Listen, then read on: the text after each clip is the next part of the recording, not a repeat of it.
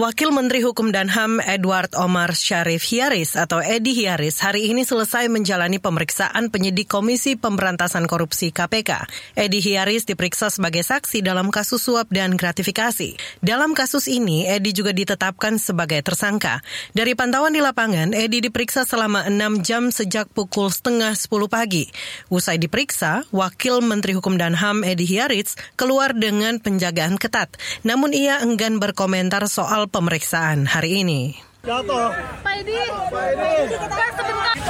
Pak. Enggak ya, enggak terima ya, Pak. Sebelumnya, Wakil Menteri Hukum dan HAM Edi Hiaris telah ditetapkan KPK sebagai tersangka kasus dugaan penerimaan suap dan gratifikasi. KPK telah meminta kantor keimigrasian mencekal Hiaris agar tidak bisa keluar negeri.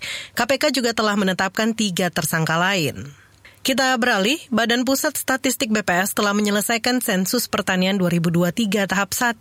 Kepala BPS Amalia Adininggar Widyastuti berharap data sensus pertanian itu bisa dimanfaatkan oleh seluruh kementerian dan lembaga untuk penguatan program pembangunan pertanian. Amalia mengatakan sektor pertanian merupakan salah satu pendorong utama ekonomi Indonesia. Sektor pertanian berkontribusi sebesar 12,4 persen terhadap produk domestik bruto atau PDB.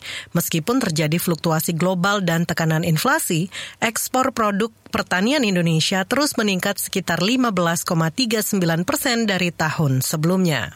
Di saat 2020 Indonesia, pertumbuhan ekonomi Indonesia mengalami kontraksi, tetapi sektor pertanian mampu tetap tumbuh positif pada kisaran 1,8 persen yang sampai saat ini terus tumbuh di tahun 2022 menguat menjadi 2,25 persen dan di tahun 2023 sampai dengan kuartal ketiga tetap tumbuh positif di kisaran 1,34 persen. Meski begitu, Kepala BPS Amalia Adininggar Widyastuti mengatakan selama ini kendala di sektor pertanian adalah produktivitas pertanian yang rendah, hanya satu per enam dari produktivitas sektor industri pengolahan. Selain itu, mayoritas tenaga kerja di sektor pertanian berpendidikan rendah.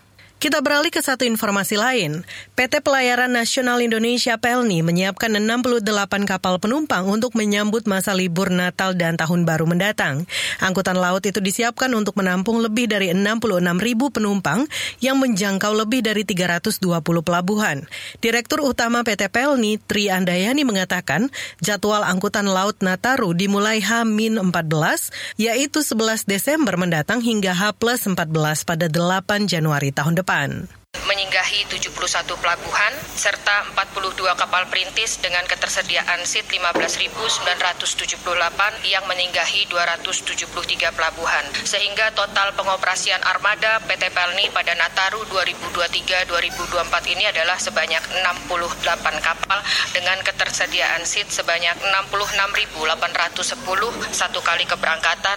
Direktur Utama PT Pelni Tri Andayani mengatakan pemesanan tiket kapal dibuka mulai 17 Desember melalui berbagai layanan seperti agen perjalanan hingga minimarket. Ia menambahkan untuk keselamatan dan kenyamanan penumpang, PT Pelni melakukan pemeriksaan rutin, kesiapan fasilitas kesehatan seperti jaket pelampung, dan memastikan seluruh kapal layak beroperasi. Diperkirakan penumpang angkutan laut Nataru 2023-2024 meningkat 17 persen dibandingkan tahun lalu. Inilah kabar baru dari KBR pukul 19 waktu Indonesia Barat. Saya Aika.